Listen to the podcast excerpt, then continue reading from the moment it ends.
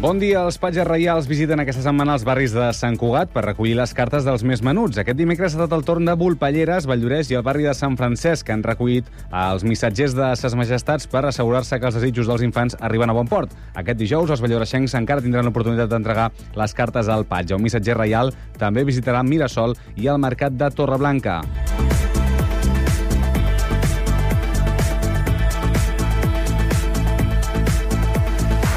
En aquest sentit, Sant Cugat ja té tot a punt per a l'arribada dels Reis d'Orient. A Cugat.cat podeu visitar els Consells de Protecció Civil per una cavalcada segura i, a més, els recorreguts, tant la de, de les cinc cavalcades que hi haurà al municipi, la del centre, com la de Mirasol, la Floresta i les Planes i també la de l'MD de Valldoreix. A més, la ciutat recelebra aquestes festes amb altres propostes com cinema familiar, un escape room i la Fira Artesania de Reis, que s'ubica a la Rambla del Celler fins aquest divendres, fins al 5 de gener.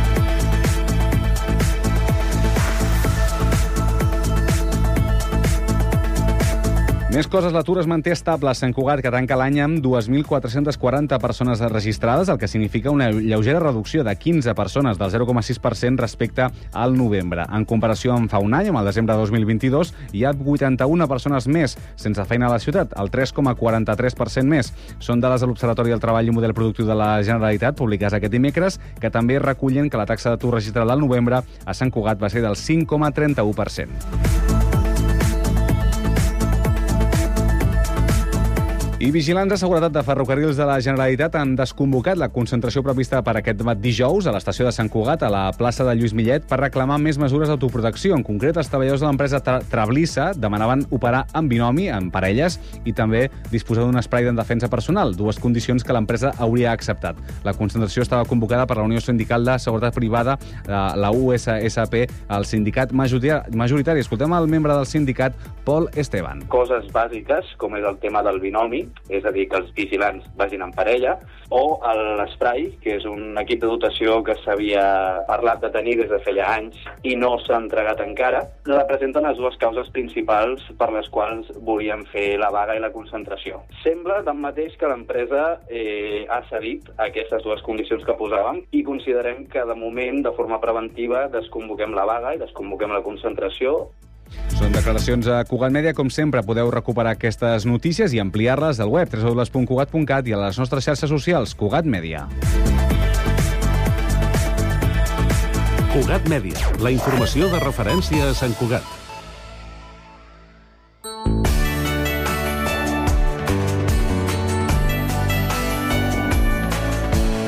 Ràdio Sant Cugat, Cugat Mèdia, 91.5 FM. Hora Sant Cugat, a Cugat Media. Madamina, il catalogo è questo delle belle che amo il padron mio, un catalogo è lì che ho fatt'io. Osservate, leggete con me, osservate, leggete con me. Això és eh, l'àrea del catàleg de Don Giovanni. I, i Jessica, una pregunta, a veure, d'actualitat rabiosa. Um, tu saps què és el body count? Uh, no. Bé. Mm, No, no, no. No ho tens Però per què saber. mm, crec que, que, que ara m'ho explicaràs. Correcte, intuïció.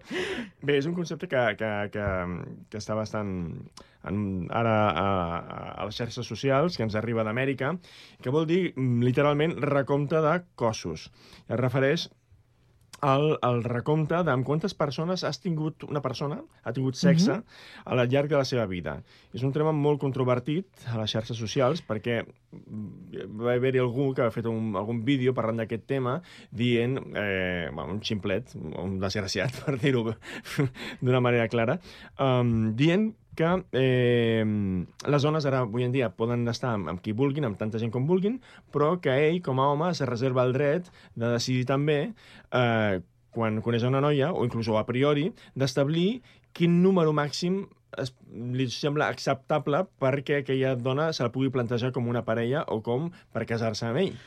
Les coses no canvien, eh? Dos, o sigui, podríem anar dos segles enrere i segurament doncs, eh, se li demanaria a la dona que tingués zero no, experiències. Exacte. El body count però abans ara- era zero. Ara hi ha un màxim, també. No et passis eh, a la teva vida. Bueno, el màxim el tindran els desgraciats com aquest, com aquest noi, no? Doncs Però sí. clar, a totes les xarxes se l'han tirat a sobre amb tota la raó del món, perquè a mi personalment em sembla mm, no només masclista, sinó fastigós. Però I ara clar, a mi m'explota el cap, perquè qui, què té a veure això amb l'òpera? Exacte, què fem parlant d'això, no?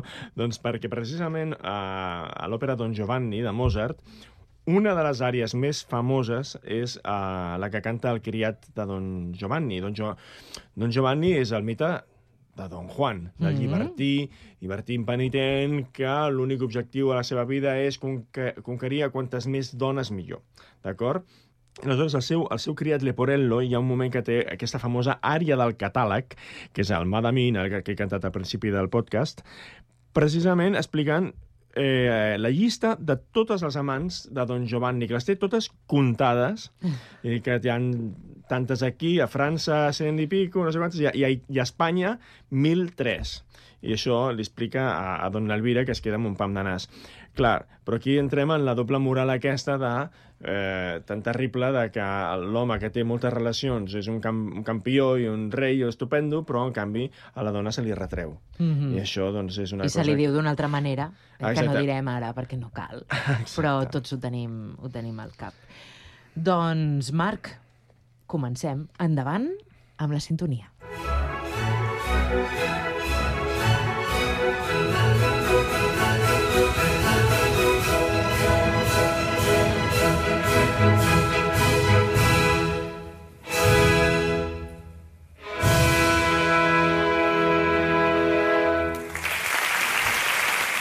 Ai, com m'agraden aquests aplaudiments. Benvinguts i benvingudes de nou al Cantant d'Òpera, un podcast ideat pel tenor Marc Sala, que justament tinc, com cada podcast aquí davant meu, i us parla Jessica Sotodossos des dels estudis de Cugat Mèdia de Sant Cugat del Vallès. Aquest és un programa fruit de la col·laboració entre l'Associació de Pròpera, eh, Pròpera i la Fundació Òpera a Catalunya i compta amb el suport de l'Institut Català de les Empreses Culturals. I avui, Marc, parlarem de Don Giovanni. I què hem de saber? Si no coneixes Don Giovanni, has de saber que és una òpera amb música de Wolfgang Amadeus Mozart i amb llibret, amb el text de Lorenzo da Ponte. De fet, aquesta mm, feliç coincidència entre aquests dos genis del seu moment eh, va donar mm, com a fruit no només aquesta òpera, sinó altres dos que se'n diuen la, la trilogia Mozart da Ponte, que són el Don Giovanni, però primer de tot Le nozze di Figaro, després vindria el Don Giovanni i Così fan tutte. L'estrena de Don Giovanni va ser a Praga, l'octubre de 1787, i va ser un gran èxit. Després la van portar a Viena, que és on vivien ells. I uh, aquest és un drama jocoso en dos actes. Vale, comencem. Què, què vol dir drama jocoso? Que drama jocoso ja ho diu la paraula, és una mescla entre el drama de l'òpera seriosa i jocoso de mm, juganer, que és de l'òpera bufa. O sigui, una mescla aquí que, que ens peta una mica el cap, però que ho, ho van fer molt bé, perquè van De agafar... riure de les penes, no? Bueno, van van agafar elements dels dos, dels dos eh, estils. En el podcast anterior de l'Elisir d'Amore parlàvem, no? Sí, exacte, de l'òpera bufa. Ah, exacte. Cert. Bravo. Aleshores, què fèiem? doncs havíem explicat que l'òpera sèria els personatges solien ser aristòcrates o personatges mitològics o bíblics, molt seriosos, que amb un desenllaç tràgic i tal. I en canvi l'òpera bufa mm, tenia només personatges del poble, no? gent que, que, que, que, que personatges inspirats en els personatges de la comèdia, comèdia de l'arte, per exemple. I aquí fa una mescla. Tant a Le di Figaro com a Don Giovanni, com a Così fan tutte, tenim personatges nobles, personatges que no són nobles, persona eh, i tots canten diferent segons eh, el seu tarannà. I això Mozart ho fa molt bé, que fa un, un, un, un, vestit a mesura, no només pel personatge, que és un personatge noble canta d'una manera que no pas d'una altra, sinó també per cada cantant segons les seves característiques vocals. Mm -hmm. I de quin període musical estem parlant?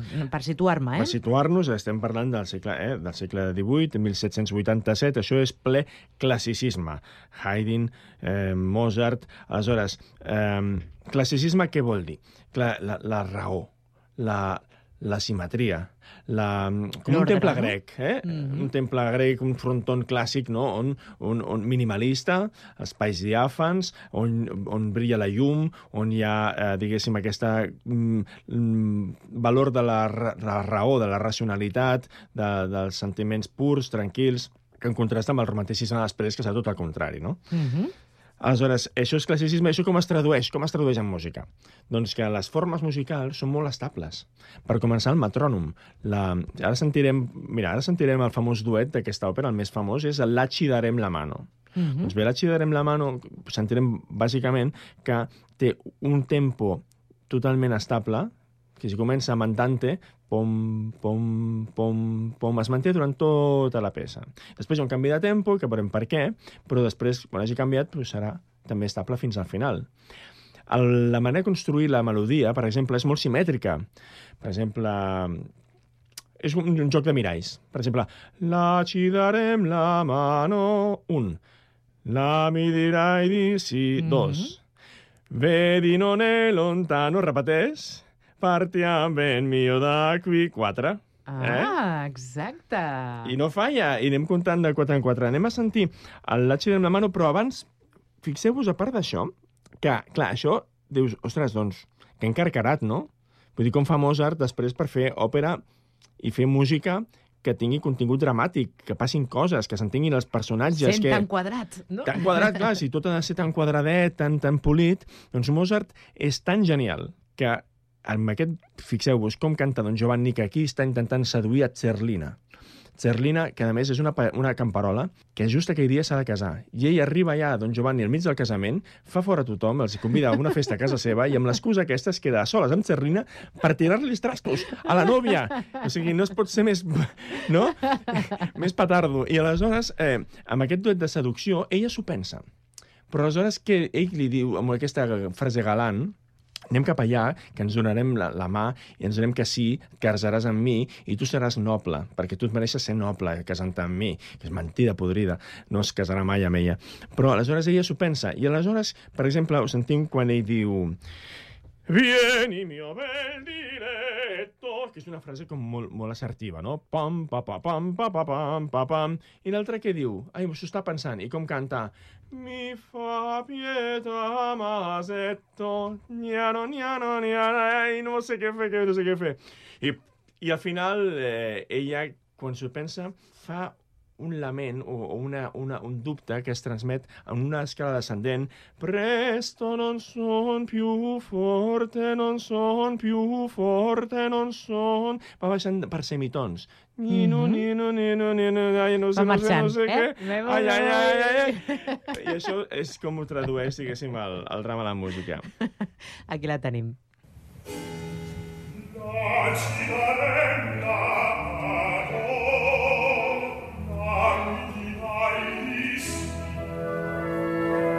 Veni non è lontano, partiamo.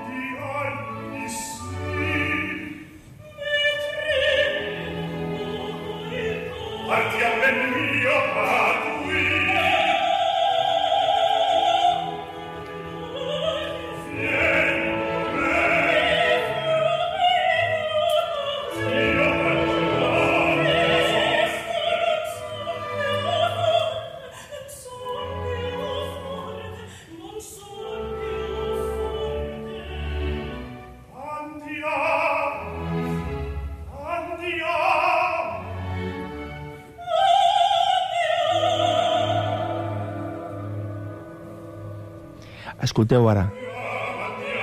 Això és un canvi de ritme que després explicaré el motiu.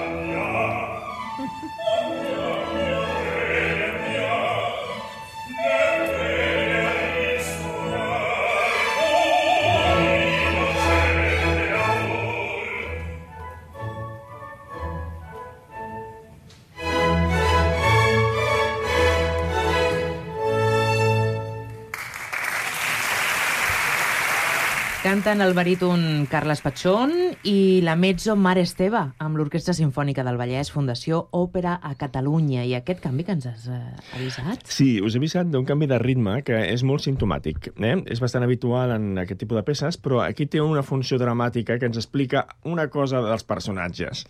Almenys això és la interpretació que fa en Roger Alier, que és una eminència en el camp de l'òpera, un gran mestre, que diu això comença sent un temps de minuet, una dansa cortesana aristòcrata. Mm. Eh? Dos per Aquella, dos. sí. Xum, pa, pa, pum, pa, tum, ta, un, dos, un, dos, un, de, de, de, de, de. D'acord. Això és una manera de dir-li ei, Serrina, si et cases amb mi, seràs aristòcrata i anirem al meu palau a ballar minuets estupendament. Però en el moment en què ella diu, vinga, vi... ell li diu, vieni, vieni, vinga, mira cap aquí. I quan ella diu, vinga, va, andiam, anem-hi, canvia la música, i canvia el ritme, i passa de ser un 2x2 per un 3x4, o un 6-8, perdó, que és un ritme ternari. Passem de binari a ternari.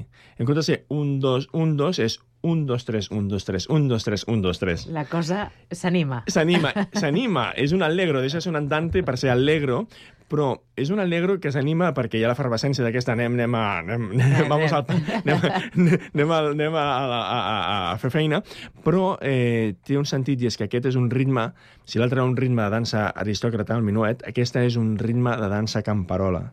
I ens està dient, xata, no ballaràs gaires minuets amb mi. O sigui que és un engany. Ah, o sigui, que se l'ha seduït, però ja està per la llista de... Ah, exacte, és un modus operandi de patró de, de, de, que ha fet també amb Dona Elvira, de, de prometre-la que es casarà amb ell, i mentida podrida. Mm, molt bé. Tenim, a més, la veu del baríton. Sí, aquest que cantava era el, nostre bon amic, el company Carles Patxón, eh, en les funcions d'aquesta producció de Fundació per a Catalunya, amb qui col·laborem, eh, que ens cedeixen aquests àudios molt amablement. Aleshores, en Carles Patxón li vam fer una entrevista per una sèrie de vídeos, que també us convido a escoltar, que es diuen Òpera en construcció, que estan penjats al web de Fundació per a Catalunya o al web de Propera, es podeu trobar, on es fa una sèrie d'entrevistes i veiem els, el, el, des de dins els assajos, com, com, com s'assaja una òpera, com es construeix una producció d'òpera. I això és el que ens va dir el Carles quan li vam preguntar sobre el seu personatge. És un mite, és un mite que és molt conegut per tothom, no? I s'ha d'adaptar constantment a tots els canvis que succeeixen en la trama, no? Uh, I és un rol que canvia molt la seva personalitat en funció dels personatges amb els que interacciona. No és el mateix el Don Giovanni quan canta el quartet, on estan presents tots els nobles de- d'aquesta òpera,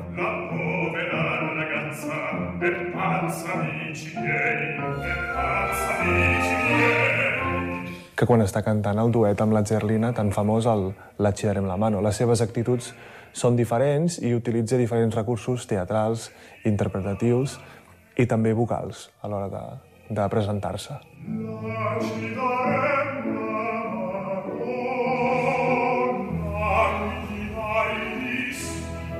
Una de les parts més complicades és el final.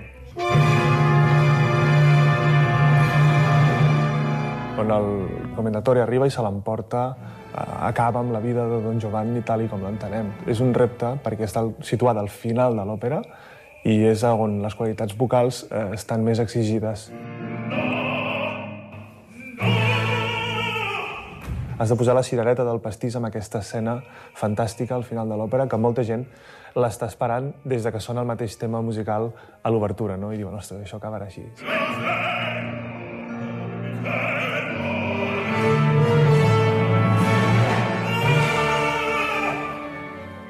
Don Giovanni, Carles sí. Patxón, déu nhi Excel·lent Don Giovanni, he de dir. A més, eh, vam compartir aquesta producció perquè eh, eren, eren dos...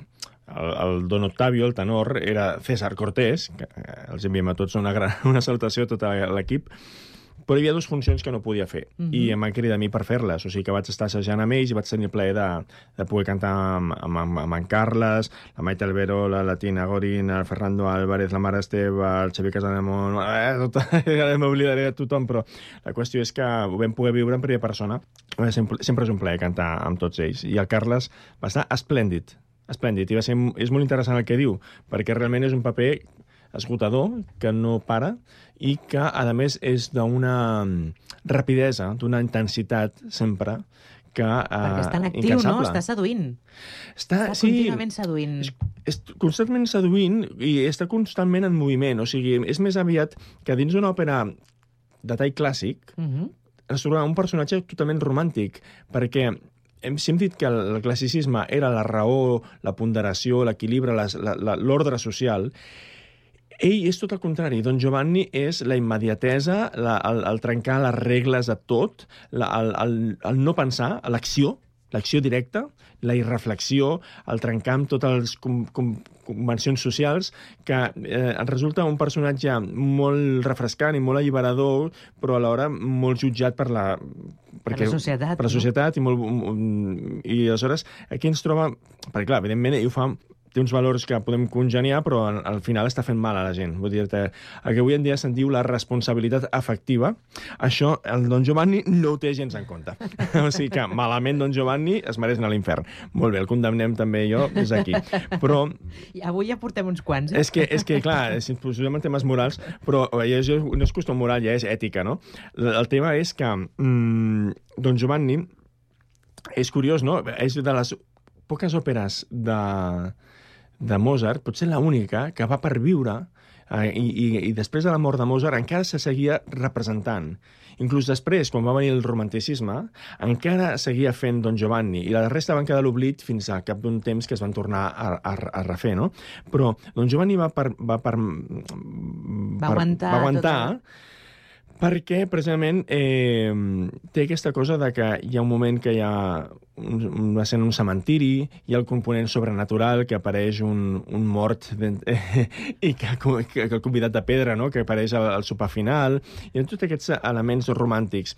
I el que dona, diguéssim, el llacet classicista a aquesta òpera és un epíleg. Quan Don Giovanni acaba morint perquè el convidat de pedra, el l'estàtua del comendatore, apareix a, casa seva i a l'agafar-li la mà eh, el, el, se l'emporta a l'infern, perquè Don Giovanni fins l'últim extrem no se'n penedeix de res, acaba l'infern i aquí, a l'època romàntica, acabava l'òpera i tots s'anaven a casa contents.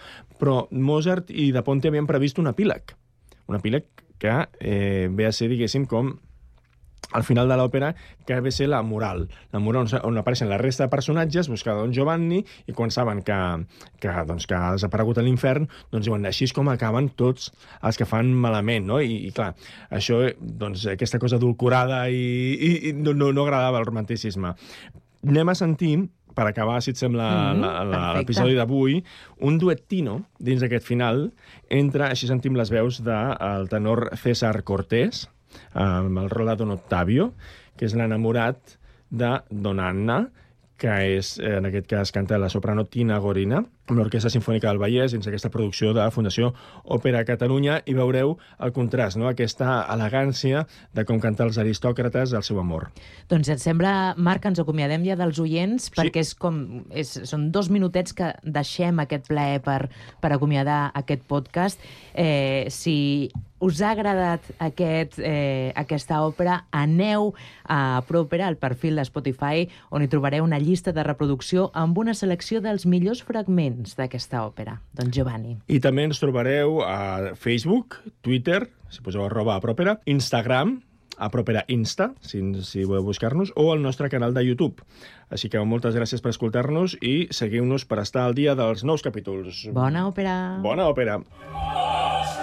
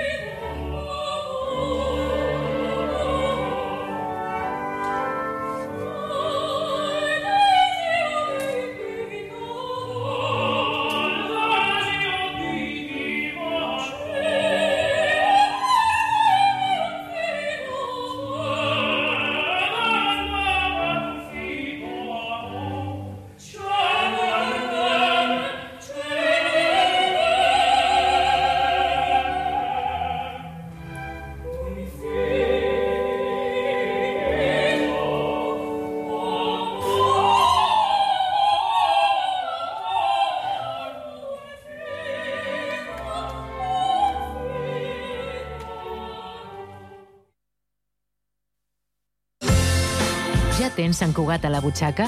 La targeta de punts de més de 80 botigues de Sant Cugat. Si no és així, sol·licita-la a les botigues adherides i aconsegueix un munt d'avantatges. Descomptes, obsequis, promocions especials, barrets de la nit en blanc i...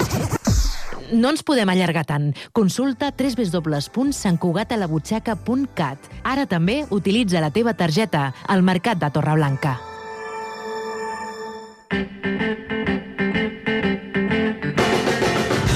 A Sant Cugat, Braseria La Bolera, el restaurant braseria situat al vell mig de la ciutat. Més de 20 anys oferint la més alta qualitat en tots els seus productes. En amanides, carns, verdures, Braseria La Bolera. Amplis menjadors per a celebracions familiars, batejos, comunions, casaments... Braseria La Bolera. Els que ja la coneixen sempre hi tornen. Baixada de l'Alba 20, al costat del monestir. Telèfon 93 674 1675.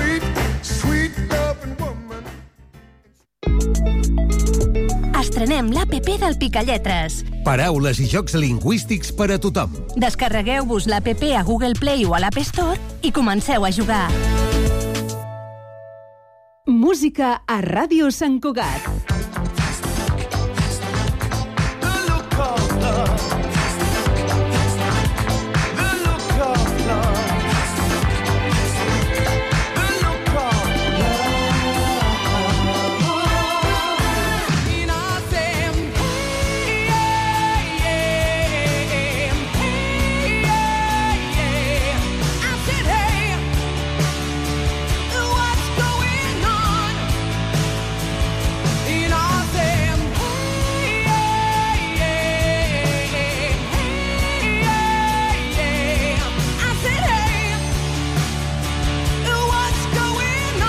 Gaudeix de la música amb nosaltres.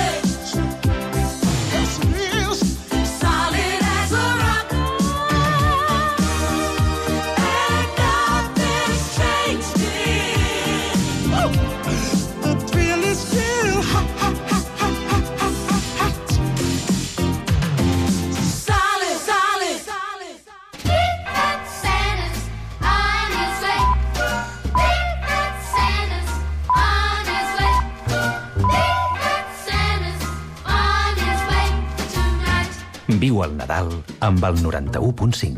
You better watch out. You better not. Hora Sant Cugat, a Cugat Mèdia.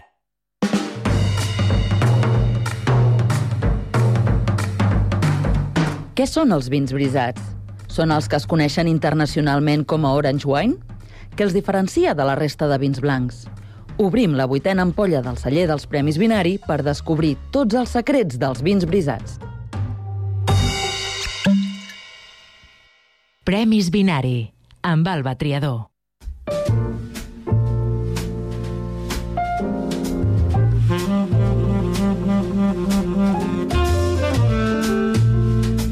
Ramon Rosset, com estàs? Hola, molt bon dia, molt bé. En Ramon és sommelier i el director dels Premis Binari i l'expert que ens acompanya durant aquest viatge pels millors vins de Catalunya guardonats als Premis Binari 2023. Ramon, en aquesta ocasió t'he de preguntar què és un vi brisat? Bueno, un vi brisat, en essència, és un vi blanc elaborat com si fos un vi negre. Què vol dir això? Vol dir que el most, que sempre és blanc, encara que provingui de varietats negres, uh -huh. eh, ha fermentat com a mínim amb les pells i les llavors. I per què et dic com a mínim? Perquè aquests vins, en la se... originalment, perquè són els vins que ens connecten en com antigament es feia el vi a pagès, uh -huh. eh, i per això en diem la seva expressió més radical, és que, a part de fermentar amb les pells i les llavors, també fermenti amb la rapa.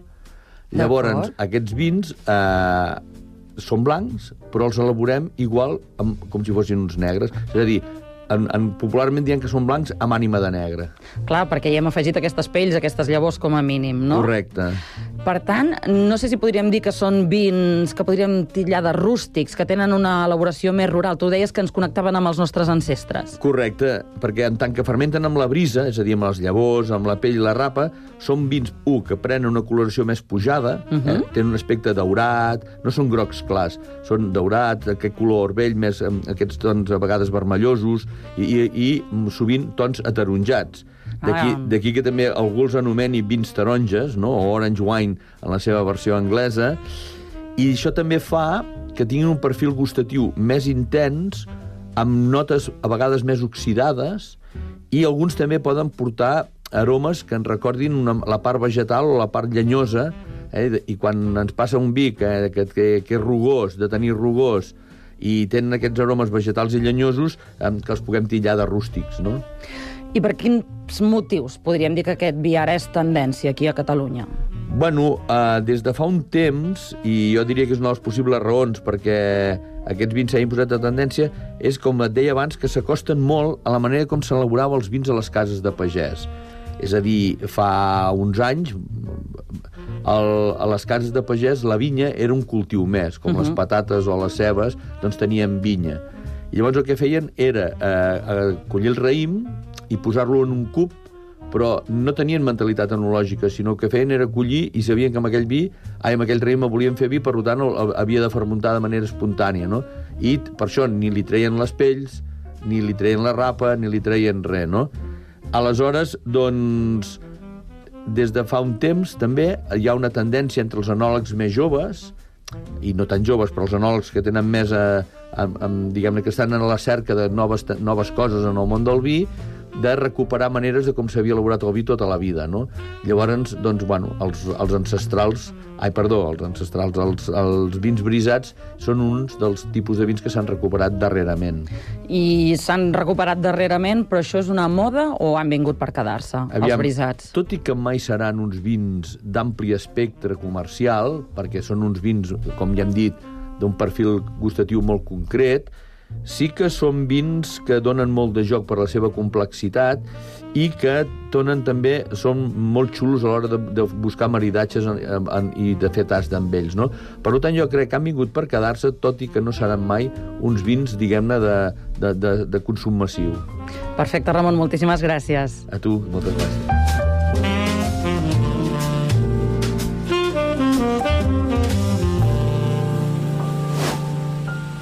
Enguany, els Premis Binari han reconegut amb el Binari Granor com a millor vi blanc brisat al Contrapàs Blanc 2022 del celler Vinyes dels Aspres. Marxem fins a Cantallops, a l'Alt Empordà, per conèixer una mica millor aquest vi. Ens en parla David Moles, responsable del celler. El Contrapàs Blanc 2022 de Vinyes dels Aspres és un vi blanc de garnatxa blanca, lledoner blanc, en diem a l'Empordà, brisat, és a dir, macerat amb les pells durant una setmana a temperatura controlada, a fi d'extreure totes les eh, virtuts i característiques que porta la pell del raïm en el vi. Aquest tipus d'elaboracions generalment es fa en els vins negres. Per això ens agrada dir que el contrapàs és un blanc amb ànima de negre. A més a més, és un vi on no hi afegim sulfits. És a dir, els sulfits són antisèptics i antioxidants, però amb aquests compostos que extreu de la pell creiem que aquest vi doncs, té protecció suficient per un envelliment eh, adequat. Acaba la fermentació amb una bota de roure usada.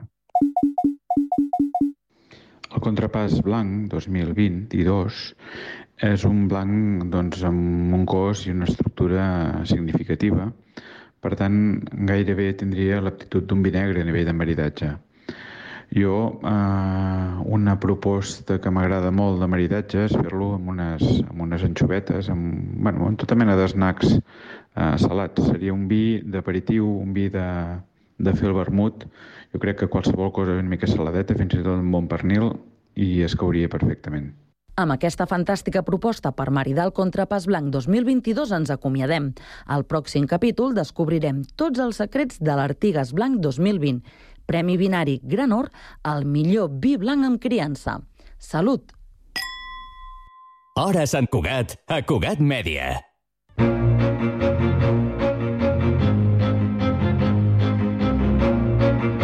I a Roda de Barà Ràdio encetem de cine amb Antonio Barrero. Molt benvingut, Antonio, com estàs? Què tal? Molt bé, gràcies. Doncs nosaltres amb ganes de parlar de cinema, com sempre. Doncs vinga, som-hi. Esperant aquest moment per conèixer molt més sobre aquest apassionant món eh, d'aquest art que és el cinema. Doncs sí, sí. Doncs avui vull comentar l'experiència que m'ha suposat veure per segon cop a la pantalla gran la gran pel·lícula La Societat de la Nieve. L'he vist dos cops. Habitualment no repeteixo pel·lícules, mm -hmm. Però aquest cop tenia moltes ganes de tornar a veure per reviure coses que em van quedar pendents. Però abans de parlar de la pel·lícula, voldria fer un recorregut, un breu recorregut per la filmografia més rellevant d'aquest jove director català que és Juan Antonio García Bayona, Juan Antonio Bayona, J. Bayona o senzillament J. Molt bé. Bayona va néixer a Barcelona l'any 1975, per tant té 48 anys, és un, és un cadell. Fill de pares andalusos, va, néixer al, perdó, va créixer al barri de la Trinitat Vella.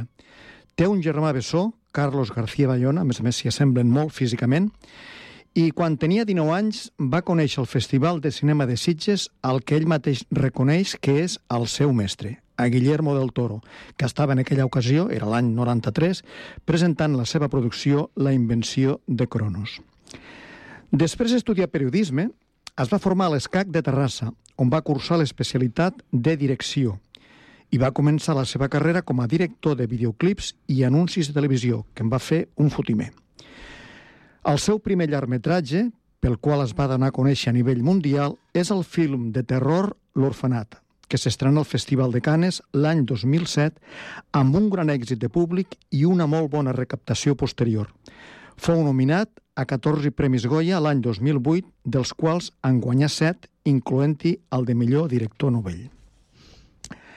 El seu segon llargmetratge, el film de catàstrofes L'Impossible, protagonitzat per Tom Holland, Evan McGregor i Naomi Watts, i ambientat en el tsunami de l'oceà Índic de l'any 2004, fou nominat a 14 Premis Goya, dels quals en va guanyar 5, incloent-hi el de millor director. Watts, l'actriu, també fou nominada al Globus d'Or a la millor actriu dramàtica i a l'Oscar a la millor actriu. Va ser un altre èxit de crítica i comercial per un tema plantejat amb grans dosis de sensibilitat. No era ni més ni menys que el relat d'una família que va aconseguir sobreviure al tsunami del 26 de desembre de 2004. No fa pel·lícules qualsevol, eh? No, no es posa amb temes menors, No. ni Mhm. entra a fons amb temes realment complexos i, i no té molta filmografia, però la No, que no. té, déu nhi és, és important. Sí. Tant és així que el 2013, per exemple, ja va rebre el Premi Nacional de Cinematografia en el marc de la 61a edició del Festival Internacional de Cinema de Donòstia. El 2014 va realitzar també els dos primers episodis de l'aclamada sèrie fantàstica Penny Dreadful, que es va crear, la va crear John Logan. El seu tercer llargmetratge va ser Un monstre amb bé a veure, l'any 2016. És una coproducció hispano-britànica-nord-americana de fantasia basada en la novel·la del mateix títol de Patrick Ness, eh, que també va escriure el guió, va coescriure el guió amb ell. El rodatge es va iniciar al Regne Unit i va finalitzar a Terrassa. El film va rebre nou premis Goya, inclòs també el de millor director.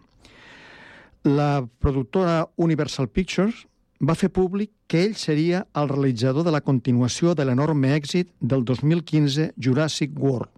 Va ser el productor Steven Spielberg, ell personalment, qui va, el va proposar com a director d'aquesta continuació de la saga.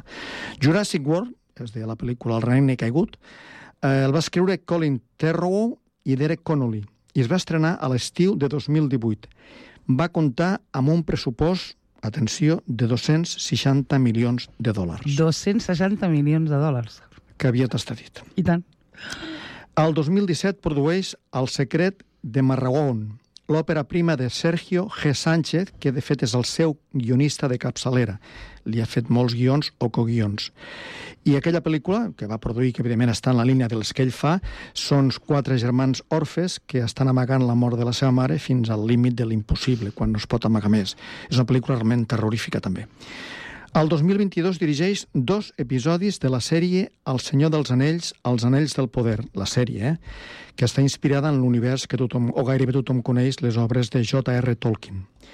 I fa uns dies acaba d'estrenar als cinemes la seva darrera pel·lícula La societat de la neu, La societat de la nieve, que està basada en els fets ocorreguts en l'accident de l'avió 571 de la Força Aèria d'Uruguai. La pel·lícula es pot veure als cinemes fins al proper dia 4 de gener de 2024, data en què Netflix l'emetrà en exclusiva a través de la seva plataforma. Déu-n'hi-do. Déu-n'hi-do. Poques pel·lis, però intenses i importants. Mm -hmm. Eh, I com us deia, abans de parlar però de la Societat de la Nieve, voldria fer un repàs breu del cronològic de les seves pel·lícules anteriors. Perfecte. I comencem amb l'Orfanat de l'any 2017. L'Orfanat és el debut de Bayona en el món del llargmetratge, amb la producció, que ja he, com ja he comentat, la producció executiva del director mexicà Guillermo del Toro. És una excel·lent pel·lícula de terror i intriga que explica les vivències de Laura, que s'instal·la amb la seva família a l'orfanat on ella va créixer de nena amb el propòsit d'obrir una residència per a nens discapacitats. L'ambient del vell casalot desperta la imaginació del seu fill, que es comença a deixar arrossegar per la fantasia. Els jocs del nen cada cop neguitegen més la Laura, que comença a sospitar que a la, a la casa hi ha alguna cosa inexplicable que amenaça la seva família. Es tracta d'un impressionant conte gòtic de fantasmes amb escenes de terror molt aconseguides, com per exemple la, la de la Laura, que és l'actriu, la, la gran actriu Belén Rueda, quan està jugant a l'1, 2, 3, toca paret o pica paret. Perquè no es tracta només de crear ensurts o d'impactar amb un bany de sang violent, sinó de construir de mica en mica aquesta tensió per a que l'espectador tingui la sensació que alguna cosa encara està per arribar. Amb escenes plenes de detalls, uns plans ben construïts i una escenografia capaç de crear l'escenari perfecte, el suspens està present constantment. Fins i tot els sons acaben de complementar aquesta atmosfera inquietant i terrorífica que destila tota la pel·lícula. Si no l'heu vist, mm, busqueu-la perquè realment la pel·lícula fa uns girs que si no s'has d'acabar mm, arribes al final realment descol·locat. Es una casa preciosa. ¿Cómo dieron con ella? Yo me crié aquí. Esto era un pequeño orfanato. Siempre quise volver, así que se nos ocurrió la idea de la residencia. Todo va a salir muy bien. Cuando vivías aquí de niña, ¿no tenías miedo? ¡Simón! ¿Cómo te llamas? Yo, Simón. Estamos jugando. Es un caminito para que mi amigo lo siga y venga a casa a jugar. Están fuera. Escucha. Yo no voy a ser mayor. Yo no voy a crecer. Como mis nuevos amigos. ¿Ahora tienes más de uno? Son seis.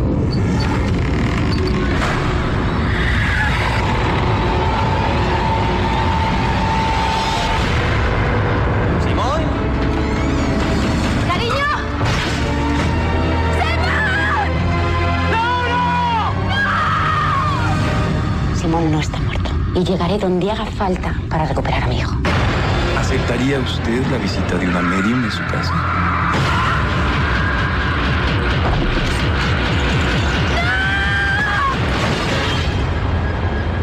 ¿Qué se supone que tengo que hacer?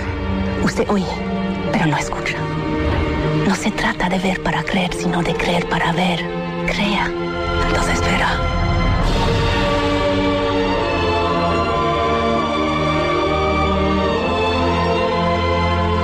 Podéis pedir quedándole.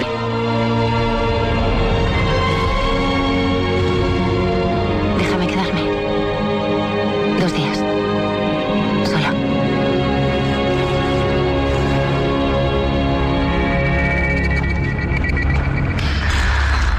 Pel·lícula que recomanes Sí. per sí. passar una mica de por, no? Si no l'heu vist i voleu passar una estona de, de neguit, mireu a l'orfenat. Molt bé, ho tindrem en compte. Eh, el 2012 arriba l'impossible, que, com hem comentat, és un thriller dramàtic, està basat en un guió del Sergio G. Sánchez, aquest guionista que ell té de capçalera, i narra la veritable experiència d'una família catalana durant el tsunami de l'oceà Índic. Aquesta família era la família Álvarez Celón, Maria, amb el seu marit Enrique i els seus tres fills, Lucas, Tomàs i Simón. La cinta es va rodar en anglès. Diu Bayona, la impressió que em va provocar el relat va suposar per mi un revés. Hi havia alguna cosa en aquesta història, una emoció que em desarmava abans fins i tot d'arribar a articular-la en paraules. Mai vaig pensar en fer una pel·lícula sobre el tsunami, però des d'aquell moment explicar la història d'aquesta família es va convertir per mi en una necessitat. Som a l'any 2004, a la pel·lícula, una família viatja a Tailàndia per passar les vacances de Nadal quan una onada gegant arriba a l'hotel on estaven allotjats. La pel·lícula mostra els esforços dels seus membres per sobreviure a l'impacte i retrobar-se després enmig de gran confusió. La mare i el fill gran van a parar a un hospital perquè ella té una greu ferida a la cama, mentre que el pare i els altres dos fills es queden a l'hotel sense saber si els altres són vius. El pare envia els petits a un refugi mentre ell recorre els diferents hospitals i centres de socors buscant la seva dona. Es retroben per atzar després d'intentar ajudar els altres, eh, les altres famílies amb una situació familiar i aconsegueixen ser evacuats del país tots junts. La pel·lícula acaba bé com va acabar la realitat. Amb gran delicadesa, el realitzador construeix un entramat de sensacions que passen de la desesperació al desconcert, de la consciència de la situació límit a la breu resignació i a la final lluita per la vida. I per sobre de tot això destaquen la força de la família, els valors, la necessitat de solidaritat davant del caos i eh, el que és una evidència en aquesta pel·lícula ja i que després torna a repetir, la relació mare i fill que, i les poques paraules que es diuen entre ells estem davant d'una angoixa, eh, és l'infern la Terra i això els afecta d'una forma directa, és un caos enorme, però ho agafen d'una forma increïble. És un missatge clar d'esperança i d'esperança clar finalment en la condició humana. ¡Levanta! ¡Es Navidad! ¡Vamos!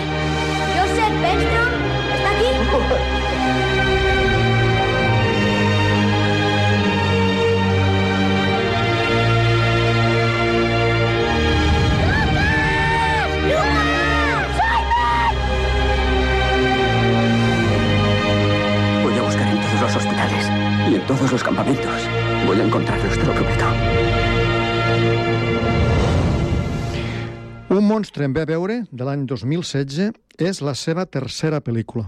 Un film de fantasia amb monstres, assetjament escolar, malaltia i família.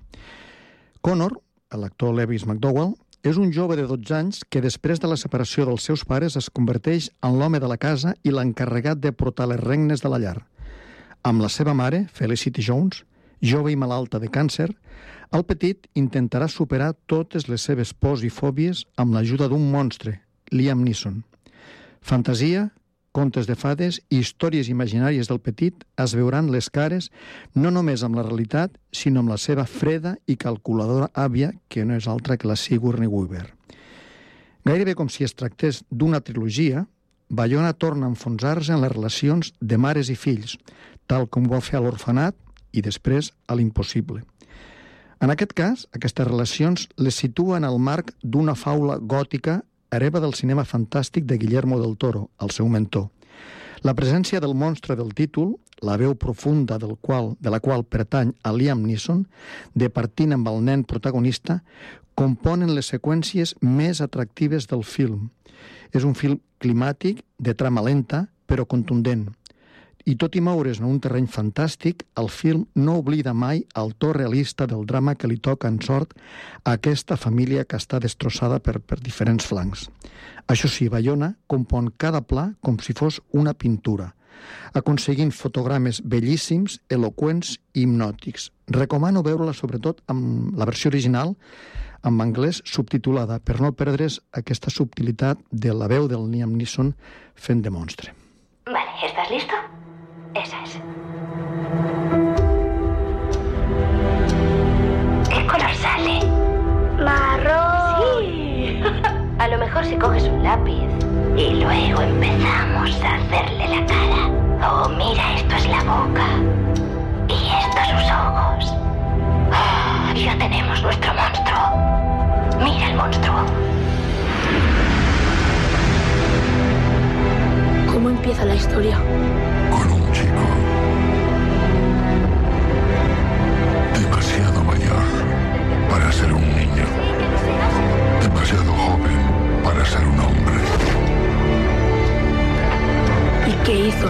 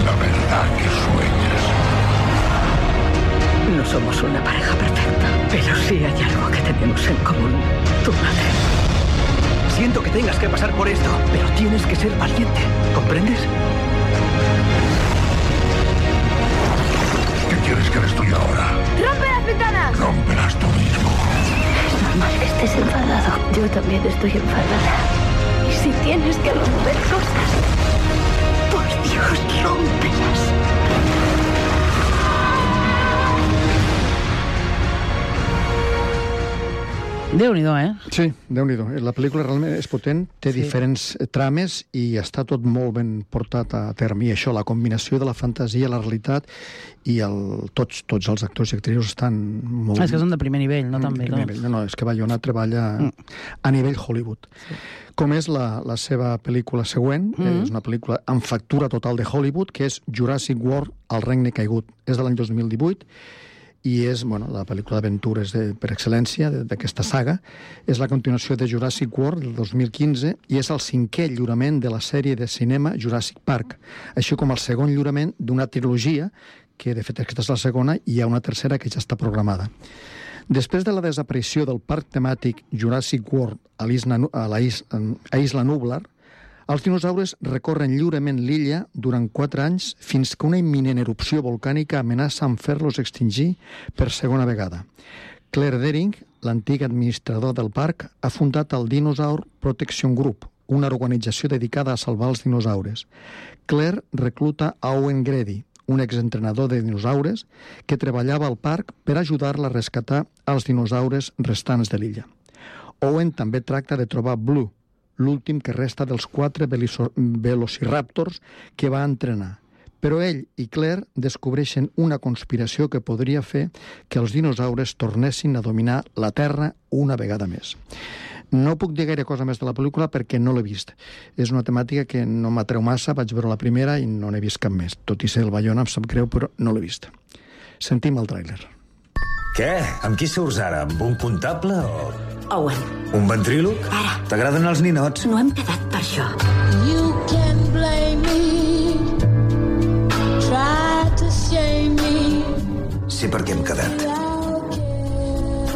Una operació de rescat per salvar els dinosaures d'una illa que està a punt d'explotar. Què pot fallar? La Blue és viva. Tu la vas criar. No. Aquests animals mereixen la mateixa protecció que donem a les altres espècies? O simplement els hem de deixar morir?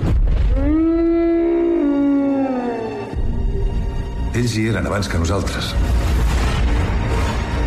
I si no vigilem, hi seran després.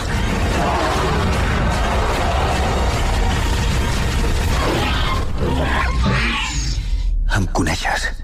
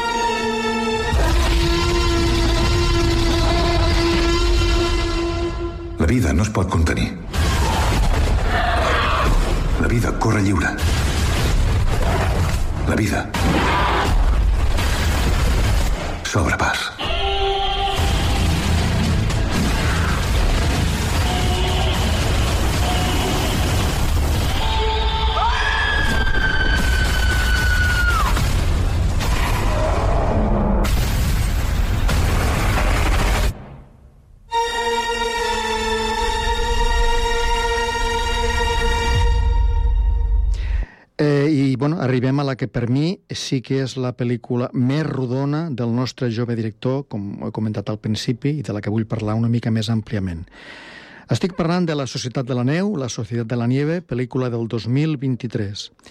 És un thriller dramàtic de supervivència que adapta el llibre homònim de l'escriptor i periodista uruguaià Pablo Bierzi sobre el desastre del vol a les muntanyes dels Andes l'any 1972 i en què es documenta el relat de, dels 16 supervivents de l'accident, molts dels quals Bierzi coneixia des de la infància.